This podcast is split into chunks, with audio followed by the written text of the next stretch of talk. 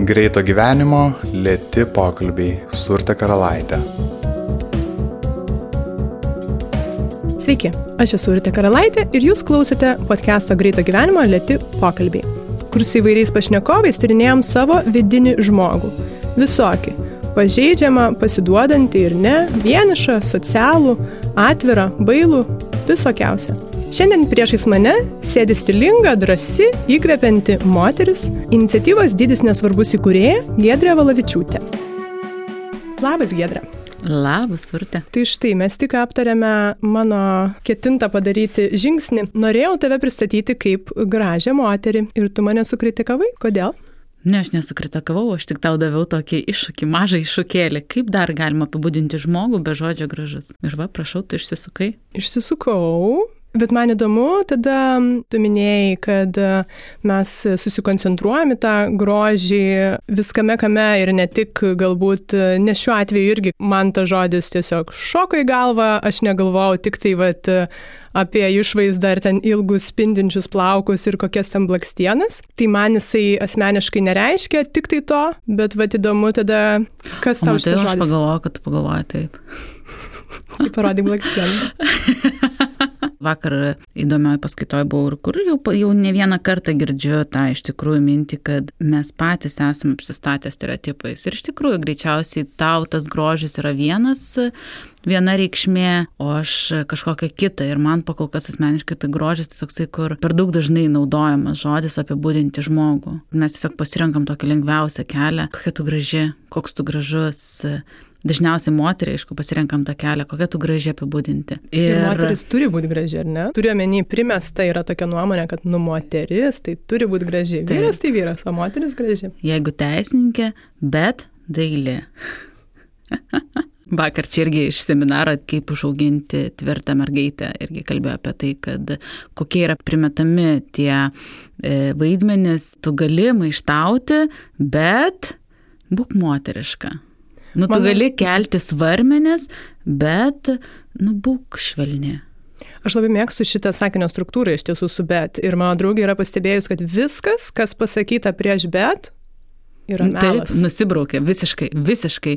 Iš principo toksai, kur labai lengvas e, būdas e, tapti ale. Žinai, aš toks čia laikiškas, lyg ir pritariu, bet štai čia ir yra mano visas mąstymo principas. Ta žodis e, daugumą atveju yra vėlgi suvedamas į išorę. Ir žinoma, yra graži ir siela, bet siela gali būti ir patraukli, ir žingeidi, ir gali būti poetiška, ne? Suprantate, tiek daug yra tų galimybių išryškinti žmoguje jo esmę, jo vidų, jo, nežinau, belenką, viską, kas jį daro unikaliu, Ir kai mes pasirinkam tiesiog tą žodį gražu, man atrodo, taip sutripiama tas visos tos unikalios detalės, nu, gražus, gražus, gerai. Ir dažnu atveju, nu, jis per daug, man atrodo, taip, žinai, sureikšminamas tas grožis, būtent išoriškas grožis. Ar nenuteisėm tam tikrą prasme, na, iš dalies ir nekalto žodžio, vien dėl tų stereotipų, kurie va, užmesti ant šito žodžio? Nėra nieko blogo tame žodėje, žinai, ir viskas tvarkoja, bet čia tiesiog galbūt toksai, kiek tu savo leidi pamastyti daugiau, sugalvoti daugiau, e, pamatyti daugiau tame žmoguje. Pat atėmus tą žodį grožis, kuris gali sukelti vairių ten tų minčių, tiksliau įvardinti, kas tau patinka manyje kuom tu uždegi mane? Kodėl tavo akis mane šiandien priverčia atitraukti dėmesį nuo visų kitų detalių aplink mane? Čia turbūt ir yra tie stereotipai iš karto tas žodis pirmas šoka grožis, norint apibūdinti mm. kažkokį tai, nu, ypatingai vizualų, malonų mm. vaizdą. Taip. Ir man labai patiko tavo pokalbis su Justinu Buroku, paskutinis, tai jisai ten daug kalba. Tai čia yra tas pirminis, kur mūsų Taip. smegenis neturi galvoti, ką dabar pasakyti, nes aš matau Taip. gražų žmogų ir aš sakau Taip. gražu. Ir vėlgi, kaip greitai yra priprantama prie to žodžio, ne, koks jis galingas yra. Pavyzdžiui, dvi dienas iš eilės tau vis pasako, nu kokia tu graži, nu kokia tu graži, ir trečią dieną niekas nepasako. Ir tu pradedi taip, o palauk sekundę, kas čia įvyko, kas čia negerai, kodėl aš, kodėl aš dvi dienas buvau graži, šiandien nebegraži. Bet čia yra tas noras patikti. Mes su Gabija Vitkivičiūtė, paskutinis pokalbis mūsų buvo, kalbėjom apie tą norą patikti, įtikti, tikti. Įdomu, koks tavo ryšys yra su šituo ir kiek tu nori patikti ir kiek tu priklausai nuo to. Aš galvoju, kad per daug. Patikti kam? Patikti viskam. Ar tai gerai, ar tai blogai, nežinau. Kartais aš pavargstu nuo to, kartais man patinka žaisti. Man taip norėtųsi labiau rėkt garsiau ant savęs, būti labiau apsileidusi, netaip tobulai atsakinėti klausimus. Iš ko tas ateina, kaip manai, noras patikti? Kiekvienas sąmoningas ir protingas žmogus kažkiek kuria save visuomeniai. Ir taip tu taikaisi prie to, kad visuomenė norėtų iš tavęs, nu, tavyje matyti. Tai aš irgi, žinai, kuriu kažkokį įvaizdį, saliginai jis aišku esu aš, bet kažkiek jisai viešumo yra toksai pagražintas. Vat ateikit pas mane į namus. ir ne vienam vakarui, pabūkit savaitę su manim namuose. Tai greičiausiai tada būsiu ta tikroji aš. Ir ta gedrė labai kitokia? Ne, jinai nėra kitokia, bet jinai tokia, kuri turi šiek tiek betvarkės. Visi mes turim. Vizualiai matome. Neišvengiamai.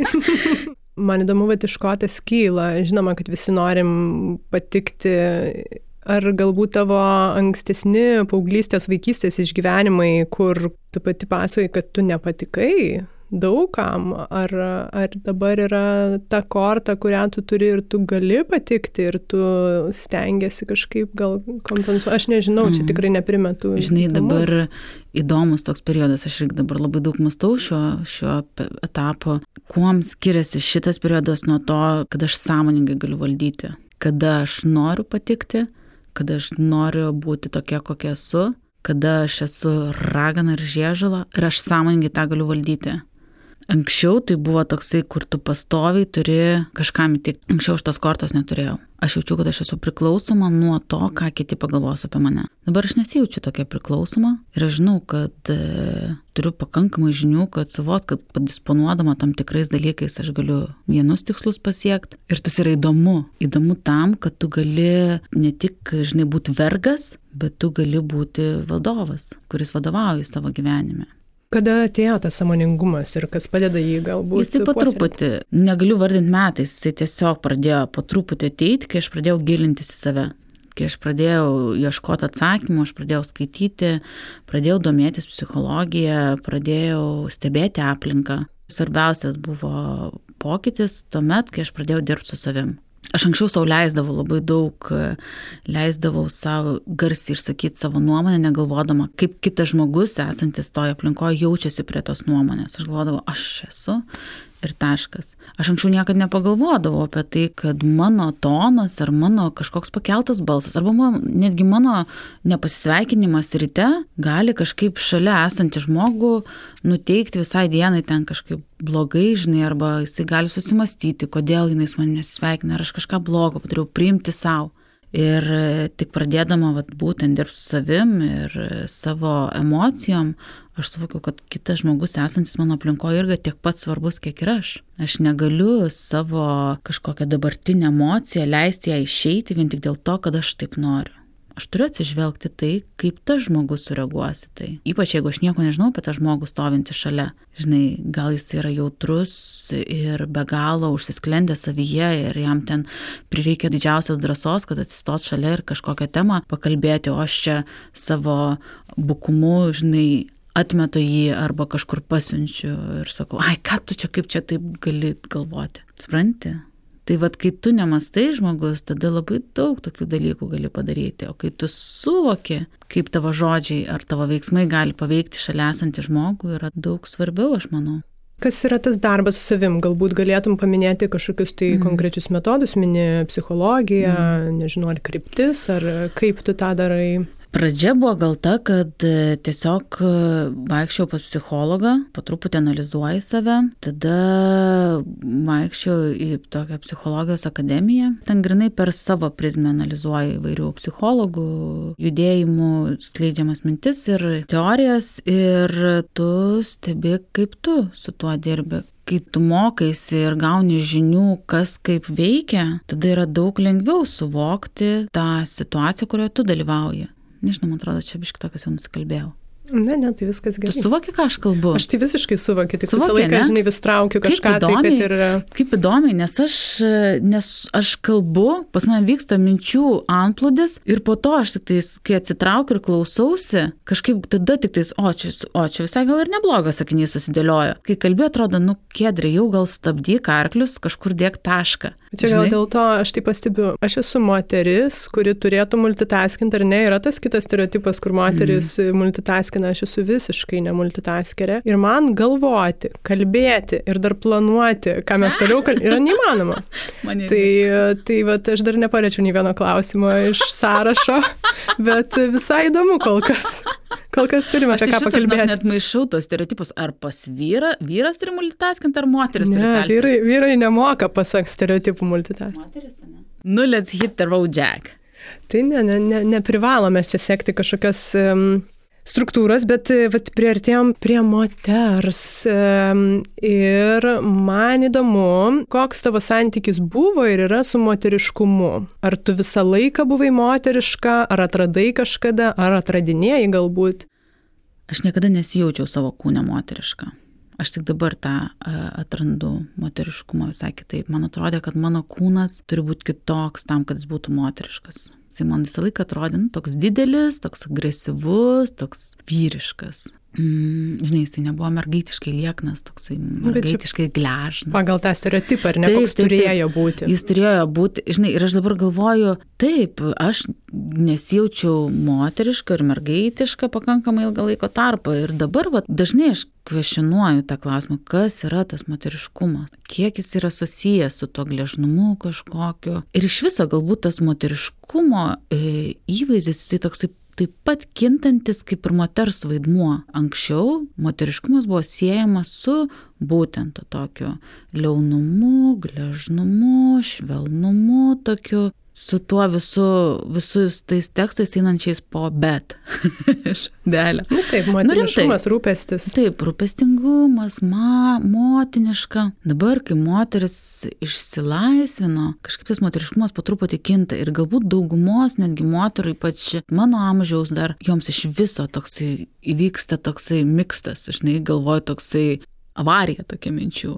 Tai plauk, anksčiau moteriškumas buvo tai ir anai, bet tai siejasi grinai su moters primestų vaidmenių virtuviai, namuose, šeimoje. Dabar moters vaidmuo visai kintantis, jis yra, žinai, visai kitoks. Ir kaip tada tas moteriškumas kinta, kas tada tas moteriškumas. Ir man jie, aš žinok, neturiu atsakymą, aš vat ir su draugiam diskutuoju, kas yra moteriškumas. Ir aš dabar, pažiūrėjau, savo figūrą matau moteriškai, kaip moteriška. Vakar žiūrėjau, kaip kilnoja svorius. Buvo moterų kažkoks čempionatas svorių kilnojimo. Ir man taip gražu jos tokios tvirtas, žinai, ten tas svoriai, taip, žinai, atsitūpus, iškelti, ten belenko, kiek ten buvo 113-116 kg, kuriuos turi dar ir virš galvos iškelti. Ir žinok, plemas, kaip gražiai dirba tie ir, ir pilvo raumenys, ir nugaros raumenys, kiek daug pastangų į tai įdėta, kad tas kūnas iškeltų. Ir šalia manęs sėdi kolegos ir jie kalba apie tai, nu koks vyras norėtų tokios moters, kuri jį iškeltų viršų. Ir aš tada galvoju, ką? Bet čia įdomu, gal man norėtųsi pastebėti, kad jeigu moters, nu, vat, tas kūnas turi tuos raumenis ir juos lavinant tikslingai, natūraliai, tu gali to pasiekti, tai kodėl ne? Tai yra kūrinys, kuris tiesiog um, vystomas ir, Mhm. ir veikia. Tai nėra, tai tik tai tie vat, stereotipai galbūt, kurie jau primesti, kad Tavo jauni švelni ir tų raumenų nenaudok. Taip, taip. Tavo kūnas yra tavo taisyklės ir, ir man turi mažiausiai rūpėti, kodėl tu pasirinkai tokį kelią, kokį eini. Tai yra tavo kelias. Dažnai būna taip, kad nuo tavęs net ir nepriklauso, kaip atrodys tas tavo kūnas. Ir aš galvoju, kad tas moteriškumas iš vis net neturėtų būti rišamas prie to, kaip tu atrodai. Aš manau, moteriškumas ir vyriškumas ateina iš to, ką tu turi galvoje, kokios mintis, kokios norai, suvokimai, e, kokie tavo aistra, žinai, kam, ką tu matai, kokia tavo vertė kaip žmogaus yra. Bet iš čia gal ateina tas moteriškumas, vyriškumas ir galbūt netgi tas moteriškumas, vyriškumas po truputį iš viso išeis iš mados ir atsiras tiesiog žmogiškumas. Ar tu esi žmogiškas? Nes gal tai yra lengviau šiek tiek apibrėžti negu moteriška ir vyriška, žinai.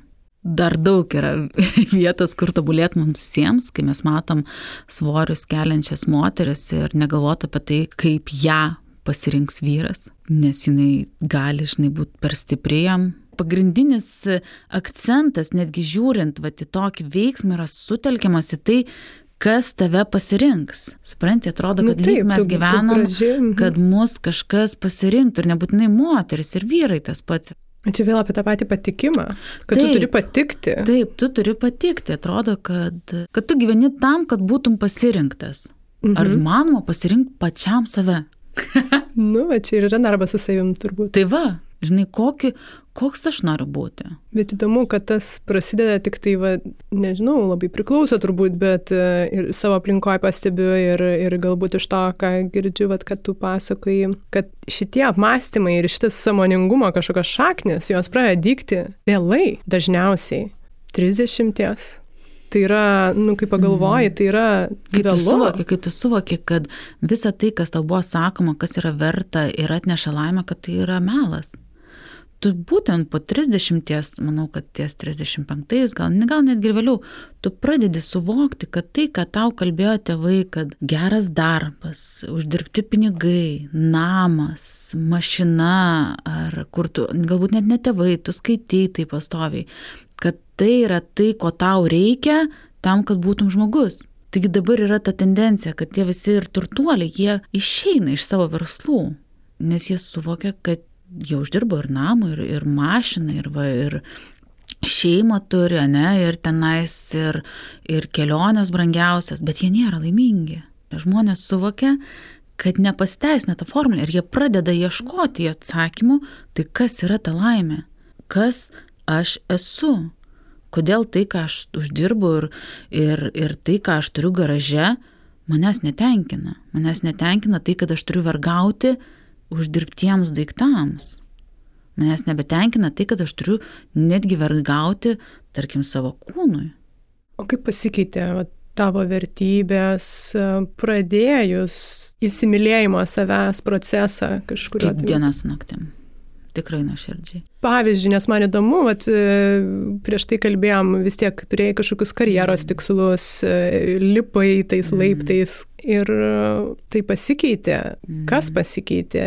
Žinai, tas pasikeitė procesas neįvyko per vieną dieną, jis vis dar vyksta tas pokytis ir, ir net nežinau, ar čia į gerą pusę vis keičia, žinai, gal ir keisis ir toliau, po to po dviejų metų aš sakysiu, kad čia vėl negerai, bet žinoma, prieš tai buvo, kad aš galvojau, kad, nu, tu turi, tu turi dirbti, uždirbti, tu turi eiti karjeros laiptais, juo labiau, kad aš tokia, va, triškė asmenybė, aš negaliu būti tiesiog kažkuo, aš turiu būti, žinai, kalno viršūniai. Turiu būti geriausia, nu, tai turiu būti geriausia, turiu būti daugiausiai sugalvojant įdomiausių idėjų. Bet man tas nesigaudavo. Aš tiek save spaudžiu, bet man nesigaudavo. Aš nebuvau geriausia jokioj srity, kurioje dirbau. Ir dažniausiai aš e, labai daug turėjau, aišku, ir vidiniai kompleksai buvo ir dėl išvaizdos, ir dėl to, kad aš nesugebu būti geriausia. Mane dar labiau sodindavo į tokią juodą duobę, kur klaidos ėjo po klaidų ir aš pastoviai kaltindavau save, kaip aš čia nesugebu, va čia šalia esantys žmonės, jie visi tokie sėkmingi, gali atsipalaidavę, viską pasiekia, aš net nesugebu klientui paskambinti ir, ir parduoti idėjos. Kas čia per lūzerę? tą darbą, žinai, vieną keiti, tada kitą nueini. Ir tu visur eini su to pačiu bagažu, tau atrodo, kad, nu gerai, šitą išeisiu, nueisiu kitą ir tikrai bus geriau. Nu ne, žmogus tai tu esi tas pats, jeigu tu nedirbi savim. Tu toliau eini su tais pačiais kompleksais, tom pačiom baimėms, tais pačiais įsivaizdavimais, eini kitą darbą ir tą patį taikai. Ir toj pačioj dobėjai vėl murgdaisi, nes vis dar negali paskambinti tam klientui ir pasakyti, kad idėja yra įdomi. Pasitikėti savim, kad tu ją gali parduoti, nes tau atrodo, kad, nu ką čia aš tokia, nu kur, ką aš manim pirks toksai buvo kažkoks toks nesąmoningas, nu, kad toks yra gyvenimo tokia formulė. Tu turi pastoviai dirbti ir kopti karjeros laiptais. Tu negali nenorėti kopti karjeros laiptais, žinai, netgi klausimai ten šeimoje būtų. Nu, tai ar jau kažką, jau kažkokią kitą gal poziciją gavai, kur toks atrodo normalus pokalbis. Kažkaip va tas nuo 18 pas mane maždaug iki 30 buvo šitas periodas toksai. Ir tada po truputį, po truputį atėjo tas suvokimas, kad O gal ne, gal pabandyk kitaip. Ir aišku, išeiti iš darbo tik į tą dydis nesvarbu veiklą buvo labai man daug reikėjo ryšto. Ir daug buvo pokalbių su draugais, daug pokalbių buvo su, su savim. o kas jeigu? Ir tada kažkaip vis arčiau prieartėjo prie tos minties, nu gėdra, tu tikrai badu nenumirsi. Tu negelbsti žmonių gyvybių, tu nesižinai operaciniai, kur nuo tavęs priklauso. Niekas nenumirs, jeigu tu išeisi. Ir tu nenumirsi. Bet tu jau matėjai, kaip buvo, tu nebuvai laiminga tame etape. Pabandyk kitą kelią. Tai būtent tas darbas su savimi ir man toksai ir labai padėjo, kad aš suvokiau, nu gerai, pabandom. Ir aišku, reikėjo daug to pasitikėjimo savim, daug palaikymo man reikėjo iš, iš išorės, iš draugų, kad aš priimčiau tą sprendimą, bet kai aš jį priėmiau, tą pačią akimirką, kai aš padėjau pareiškimą darbę ant stalo, kad išeinu, neįsivaizduoju, kokia buvo lengva siela, kai buvo gera, aš tada tą mėnesį, kurį dar turėjau atidirbti, man buvo pats sunkiausias mėno gyvenime. Ir dabar nesakyčiau, kad yra lengva. Žinai, žmonės nustemba, sako, tikrai, tu tik dydis nesvarbu dirbi, tu kaip tu užsidirbi. Kaip tu išgyveni? Sunkiai. Pirmas klausimas, ar ne? Greičiau, mm. taip, dažniausiai būna tai, kad jie suabejoja to, ką išgirsta, tada, o kaip tu išgyveni? Ir žinoma, aš turėjau labai daug ko atsisakyti. Tų kažkokių materialinių gerovių, kurias galėjau savo steigti anksčiau, bet nei viena iš jų nėra verta tos laimės, kurią aš dabar turiu. Ir tos sąmoningos laimės, kai aš galiu suvokti, kad aš žinai, noriu pasimti viską, ką man šis etapas duoda. Ir kad aš neprivalau niekam aiškintis, aš pati kuriu produktą, aš pati kuriu kažkokią paslaugą, aš pati turiu sugalvoti, kaip išgyventi, kaip užsidirbti. Ir mane tas drivina ir kartais aš verkiu, kaip man atrodo, kad, o Dieve, kas, kaip, ką, ką toliau ryte tada atsikeliu ryte ir nu gerai, o nu gerai, gal visai čia normaliai, viskas čia bus gerai. Kas įdomiausia, kai tu sąmoningai stebi save šitam procese, kai tu nepaleidi ir tipo, nu kaip bus, tai bus, bet tu sąmoningai stebi, kas vyksta, ką tu gauni, kur tu išmoksti, kur tau sunku, kiek tu praplėti savo komforto zonas. O kas padeda, nu, bet vis tiek įsivaizduoju, tokioj nestabilioj srityje būna duobių, įkrentam, kas padeda vat negrįžti, ar kyla minčių, kad, nu, vat gal reikėtų prie kažkokio saugesnio, pastovesnio vėl grįžti. Ir... Aš žinai, kažkaip vis savo, nu gerai, sakau, nu gerai, dabar jau spalis, nu gerai, lapkritį jau gal, gal kokį, žinai, 50 procentų kokį įsidarbinsiu kur nors tada. Nu ne, nu gerai, gal, gal, nu gal gruodį. Ir taip, žinai, vis nustumi, nustumi, nes tu matai, kad tu gali, žinai, išgyventi ir kol aš galiu tai daryti, aš kažkaip dar noriu tai daryti. Aišku, iš savo klaidų mokintis yra labai gerai, bet aš, nu, aš nes, negaliu pasakyti, kad aš iš visų savo klaidų sugebu išmokti. Išlipu už dobės ir po to žiek vėl įkrenti. Ir, ir aišku, smagu ir fainai, kai pastebi tas klaidas, o čia gerai, čia jau tą dariau, to nevertėtų, bet, nu, aš toks žmogus esu, kad aš nepastebi detalėms. detalės nėra mano draugės. Tai ir aš dažnai kartoju tas klaidas. Vieną kartą pakartoju, antrą kartą, nu gerai, jau trečią jau matau, kad bus ne kažką, jau prisimenu ten to veiksmus. Tai. Bet aš kažkaip galvoju, kad mes tiesiog tiek mažai kalbam apie tuos murgdymusius duobėse ir kad tai yra normalu gyvenimo etapuose. Nėra jisai tobulas, nėra jisai tik tais į viršų, kad, žinai, yra sunku tada suvokti, tu pats įkrenti atrodo, kad čia vienintelis toks liurbis, e, nesugebantis kažko, ne, nežinai, ne, ne, ne, negabus. Bet tada, kai pradedi apie tai atvirai bendrauti su aplinka, su žmonėm, kurie tau imponuoja, tau patinka, tave edukuoja, tu matai, kad tu nesi vienintelis ir jie taip pat būna ten. Ir tas labai gal naudinga dar e, dalinimasis ir kalbėjimas apie o, tai, taip. kad tu gali pažiūrėti per pokalbį. Na, aš, aš suprantu, kad ir psichologija, ar tiesiog į pokalbį su psichologu irgi iš vienos pusės veikia taip, kad tu išgirsti save ir tu pamatai save iš šalies, nes sunkiausia mm. turbūt įkritus dobėjai, vad kaip ir sakai, taip, yra labai blogai, mm. tu esi vienintelis nevykėlis pasaulyje ir tu labai lengva to patikėti. Mm. Ir vad pažiūrėti šalies, kad ta duobė gal labai maža, gal nėra tos duobės. Ir Arba tie pokalbiai turbūt. Žinai, atsitraukti šiek tiek aukščiau ir ne, neatsistoti tiek ties tuo vienu tašku, bet pažiūrėti iš viršaus, žinai, kas vyksta, ar tikrai, ar tikrai tai yra dobė visų pirma. Bet Na, aišku, yra lengva kalbėti, kai tiesiog aptari tai, bet kai atsiduri, tai toks atrodo, o Dieve, nieko daugiau, visas pasaulis prieš mane. Na, aišku, tampi toks egoistas šiek tiek mažumėlį. Bet vėlgi, kai atsitrauki, sakau, ir tu pradedi kalbėti ir bendrauti ir žiūrėti ir stebėti kitus, tu supranti, kad Mes visi turim savo dubių. Ir, žinai, tai nereiškia, kad mano, kad mano kažkokios nesėkmės yra mažiau reikšmingos vien dėl to, kad ten jos nėra palyginus su kaimyno nesėkmėm, jos ten, žinai, lašas jūroje. Kiekvienam mūsų, mūsų išgyvenime atrodo svarbiausia ir, ir, ir tas tavo nesėkmės irgi tau atrodo kaip e, žemės pagrindo praradimas.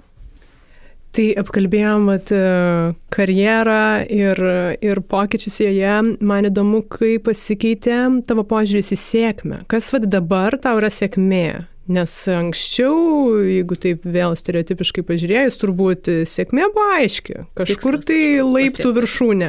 Yeah. Kas dabar yra sėkmė? Man dabar asmeniškai sėkmė yra savo komforto zonos prastumimas. Pavyzdžiui, dabar aš noriu suorganizuoti seminarą ir man sunkiausia gyvenime parduoti save. Ir tas seminaras, vat, plus dydžio stiliaus dirbtuvės, ir man atrodo, nes aš ten esu irgi ir vesiu, ir atrodo, kaip man čia save parduoti. Kaip įtikinti moteris, kad jos ateitų, joms gal įdomu bus, gal aš jų ir neturiu įtikinėti, bet toksai, kur, kodėl jos turėtų patikėti, žinai, kur tu, ir tada tu galvoji, o kodėl neturėtų patikėti. Tai man didžiausia sėkmė dabar yra tai, kai aš sugebu padaryti tai, ką labiausiai bijau.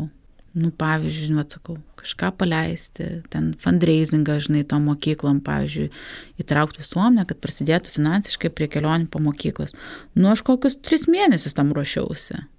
Bet tu sakai, parduoti save, man iškart kyla mintis, kad tai, tai, tai, tai nesi tu, tai yra tavo produktas, tavo paslauga, ar ne? Ar tu pardavinėjai pieną, ar tu pardavinėjai šitą idėją, ar tu taip nematai? Nu, bet ir čia ir grįžtam prie to, žinai, kiek, kiek yra svarbus vertinimas. Tai greičiausiai man dar yra svarbus kažkoks likęs manyje ir aš su psichologija apie tai kalbu, kodėl man sunku yra, vat, pavyzdžiui, suorganizuoti konferenciją ir net jeigu nieks ir neteis, ar ten bus labai nedaug atėjusių, kodėl, žinai, aš tai taip sureikšminu. Dėl to, kad aš visą laiką savo vertę stačiau ant to, kaip mane vertina. Ir tai tiesiogiai sieji su veikla Taip. savo, ar ne, kad tavo veikla yra lygų tu. Taip. Ir tai, kad jeigu žmonėms nepatiks, ką aš darau, kokį aš produktą paduodu, kad to lygų tai, kad aš esu tokia lopė, loserė, kuri nepatinku kažkam. Ir supranti, ir va šita vieta ir yra faina, kad aš tą sąmoningai suvokiu, kodėl aš bijau. Anksčiau aš to nesuvokdavau. Aš tiesiog praskipindavau ir nedarydavau nieko. O dabar aš suprantu, kodėl aš save kartais stabdau ir vietoj to, kad sėšiu ir padaryčiau tą renginį, einu kavos pasidaryti, arba einu pavaikščioti lauką, arba einu kažkur papliurpti, nes aš sąmoningai save nukreipiu nuo to, kas man nemalonu. Nes tu bijai feilinti. Taip, aš bijau feilinti, aš bijau, kad būsiu nesuprasta, ar bus, žinai, nuvertintas, arba, žinai, pasakys, kainai, čia kokia čia nesąmonė padarė, žinai, ką čia overnight stilistė tapo. Suprantate, aš bijau to vertinimo ir aš dabar tiesiog dirbu su tuo, su savim, kad ir taip gali mane žmonės vertinti. Bet čia yra jų protas ir jų, ir jų pasirinkimas. Ir taip, ir jų teisė tai daryti, bet aš tai neturiu priimti asmeniškai. Aš žinau savo vertę, aš žinau, kas aš esu. Tai va tas yra labai smagu, kai tu tą sąmoningai suvoki ir gali atskirti. Bet tas vertinimas, aš galvoju, kad būtent jis yra atėję pas mane iš jaunystės, kai aš jaučiau, kad aš esu vertinama pagal tai, kaip aš atrodau, ar ką, žinai, padarau, ar aš ten gavau aštuonetą, ar dešimt gavau jau dešimt gera, žinai, dukra, jeigu šeši jau nieko, tu čia tik šlavėja būsi. Nu, toks, žinai, tu esi vertinamas tavo galutinis rezultatas, ne tavo pastangos, ne tai, ką tu norit, žinai, padaryti, kokia tavo idėja, kaip tu prie to prieisi, bet rezultatas. Ar būna, kad save pagauni, nu, tarkim, gauni kritikos, tavo produktas, nesvarbu, nuotrauka, seminaras, nepatiko. Ir vad kaip tu tuo momentu, tu girdi jį, tu kažkaip galbūt dvėjoji, ar čia, ar čia man giedriai sako, kad tu esi nevykėlė, ar čia kažkam nepatiko nuotrauka. Žinai, ten tam dydis nesvarbu, tai pastoviai yra tie, kurie pasaulio gelbėtojai ir kurie aiškiai pasako, kokia tavo vertė ir ką tu čia nesąmonės rodai. Nu, aš tiesiog suvokiu, žinai, kad aš tai darau pirmas dalykas ne dėl jų, o antras dalykas, kad žmogus turi teisę komentuoti ir, ir aš kažkaip to nebepriemu. Anksčiau labai, žinai, stengiausi apginti visus. Kiekvienas gali turėti savo nuomonę. Ir, žinai, aš neprivalau jos pakeisti. Mes galime eiti diskusiją, diskutuoti, bet ta diskusija tikrai nevyksta Facebook'e. Nei jis pakeis savo nuomonę, nei tu gausi kažkokiu argumentu ar dar kažko, ko tu nebūtum girdėjęs. Tai dėl to labai yra svarbu, kur ta diskusija vyksta ir su kuo. Taip norisi galvoti, kiek tavo įrašai yra konstruktyvus, kiek jie duoda to, kad žmogus gauna kažkokio pamastymo, o, nu gerai, gal tikrai galėjo kitaip padaryti. Tai vad ir aš kartais pasiduodu tam, žinai, tokiam kičiniam pagrumojimui, nu, nu, nu. Bet kiek tai duoda naudos, apart to, kad kažkokių laiko ir komentarų. Čia iš karto iššokiai mano vieną iš klausimų. Mm. Iš esmės, tu užsiimi švietėjišką veiklą. Mm. Aš manau, tikrai galima taip drąsiai įvardinti. Ir va čia įdomu, kaip šviesti, edukuoti, bet nemoralizuoti, nes matau, kad tu reflektuoji apie tai, kaip rasti tą ribą. Geriausia, žinai, galbūt net nemokinti, o tiesiog dalintis pavyzdžiais. Dalintis tuo, ką tu per savo gyvenimą suvokiai, atradai, pamatėjai, Galbūt ta tavo tiesa ir kas tau yra svarbu, neprivalo būti svarbu tam kitam žmogui besiklausančiam bet tu gali pasidalinti. Vat, nu, pažiūrėjau, aš eidama šituo keliu jaučiausi daug geriau, atradau daug įdomesnių ir patrauklesnių pakeleivių, negu eidama vat šituo keliu. Kurį kelią pasirinksi, tu yra tavo apsisprendimas. Tu esi asmenybė, protinga, kuris suvokia priemus visus argumentus už ir prieš, suvoki, bet aš noriu ar tai tuo, ar tuo keliu. Aš tą patį ir dydis nesvarbu sakau, kad aš nesakau, kad jūs privalote mylėti save, gerbti ar ten, žinai. Aš tik sakau, kad aš, pavyzdžiui, eidama iš tokio, man yra daug geriau. Jeigu jūs norit pabandyti, va čia yra, ką aš dariau ir kaip dariau, ką aš atradau ir aš to dalinuosi. Jeigu jums yra nepakeliui, viskas gerai, Dabar pasaulyje tiek daug yra įvairovės ir pasirinkimo, kuom sekti, kas jūs gali kvėpti, ieškokit ir atrasit. Tai aš tą pat ir mokiniams, žinai, kalbu, kad nepasiduokit vienam keliui, išbandykit daugiau, pažiūrėkit įvairovę, atraskit ją ir patys sąmoningai nuspręskit, kas jums yra įdomu.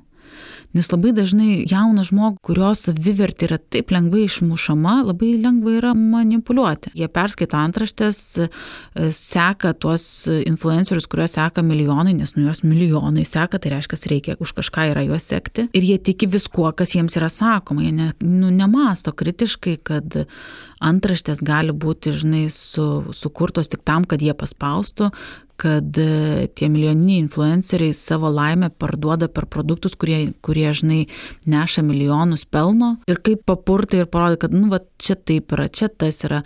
Kai skaitot, žinai, apie antraštę, kurioje parašyta, žinai, kad išrinkta gražiausia pasaulio medikė, Nu pagalvokit, kiek yra tiesos šitoje antraštėje. Pirmas dalykas, tai ar buvo visos medikės patikrintos?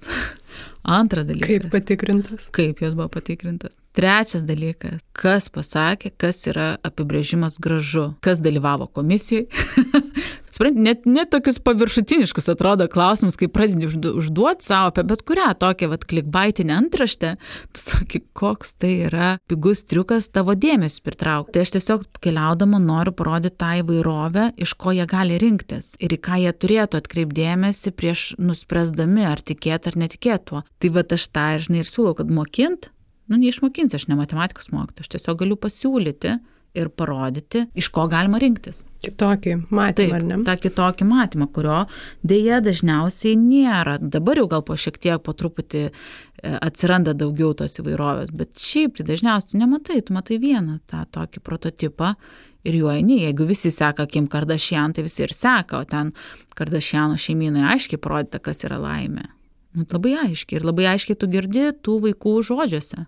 Jūs kalbate ten ir apie, na, požiūrį į savo kūną ir šitas temas, ar ne? Mhm. Tai man vat įdomu, paauglystė turbūt, nu, tai tikrai yra labai aktualios temos ir ką pastebi tų jaunuolių ir vaikų mąstymę ir kaip jie reaguoja iš tas temas iš viso.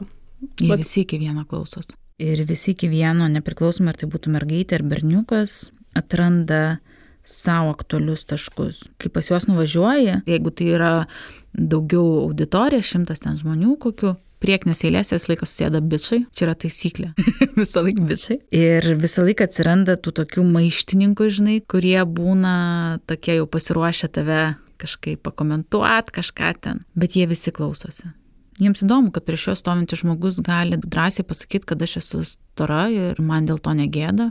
Sunkiausia dalis yra įtraukti juos į diskusiją, nes tai yra jautriausia tema būtent tam amžiui galbūt ne visiems, bet daugumai tai yra jautriausia tema - kūnas ir taip, kaip aš atrodau, juolab, kad jis yra besikeičiantis. Ir vat, teoriškai tarp 12 ir 18 metų e, vaikams tai yra žemiausias taškas, kada jie mažiausiai pasitikė savo išvaizdą. Ir dar labiau jie nustemba, kai parodo tą įvairovę, kad yra ir su negale, yra ir stambių žmonių, yra ir moterų norinčių būti raumeningomis ir that's ok.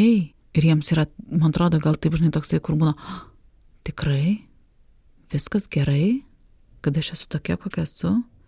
Ir labai dažnai būna tiesiog po paskaitos prieina, pradeda kalbėti, ką patiria, kokios patyčias. Ta pavyzdį visur miniu, kur stovi dvi draugės, geros draugės ir sako, iš mūsų abiejų tyčiosi. Sako, iš manęs tyčios dėl to, kad aš per liekna, o iš manęs tyčios dėl to, kad aš per stora. Ir sako, o jūs girdite, apie ką čia vyksta kalba?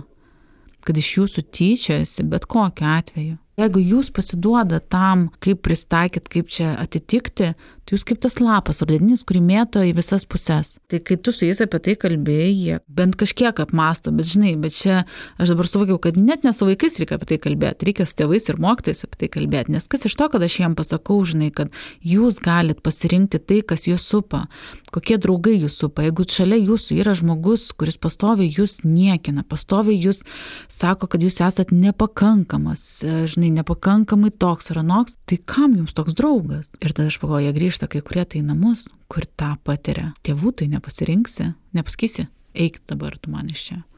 Tai va šito vietą aš suvokiu, kad reikia kalbėti su tėvais ir su mokytojais. Tu užsimeni dabar, kad kyla mintis, va, kad su tėvais mokytais reikėtų kalbėti.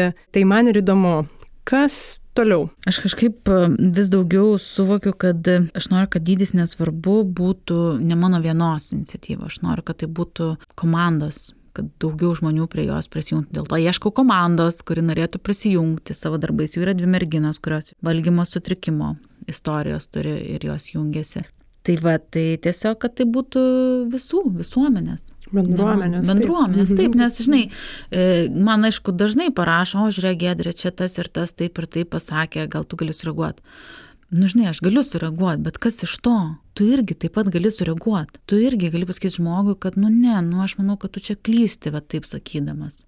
Norisi, kad tai būtų dydis nesvarbu ir nebūtinai susijęs su kūnu, dydis nesvarbus stereotipams, bet kokiems, žinai, Ir norisi, kad atsirastų tokia, žinai, platforma, kurie žmogus atėjęs galėtų jaustis gerai ir kad jinai tiesiog auktų, net jeigu aš ten, žinai, iškriščiau iš jos, pavyzdžiui, netyčia. Niekad negrįžnot. Tai va, tai aš manau, kad čia man noras toksai, kad tas dydis nesvarbu plėstas, toksai, žinai, tokia vizija, kad tai būtų stipri bendruomenė, kažkoks kanalas, kur galima rasti pagalbos, galima rasti kvėpimų ir kažkaip norisi po truputį eiti iš socialinių tinklų. Man niekad nebuvo įdomu kažkokių kramukų, blakstenyčių, reklamos ar dar kažkas. Man nesinori, nesinorėjo to rišti prie dydis, nesvarbu, norisi eiti labiau bendrauti su žmonėm. Aš manau, kad čia yra vertė. Aš tikiu, kad tai tikrai vyks anksčiau ir vėliau. To ir linkiu be abejonės. Ir tas kelias, kad būtų dabėtas ir būtų sąmoningas. O paremti kelionės po mokyklas galite dydis nesvarbu.lt internetinėje platformoje rasite visą reikiamą informaciją. Ačiū tau, Gedrė. Ačiū tau, Urte. Ačiū, kad klausėtės. Tikiuosi jums kilo įvairiausių minčių, teigiamų ar neigiamų, ar neutralių po mūsų susigėdrę pokalbio. Tai buvo jau trečiasis podcast'o Greito gyvenimo lėti pokalbiai epizodas. Kitų epizodų galite klausyti Spotify, iTunes, Stitcher, Google Podcast ir visose podcastų klausimosi programėlėse bei karalaitė.com pasvirasis brūkšnys podcastas. Būkite įdomus, ne tik gražus ir iki kito karto.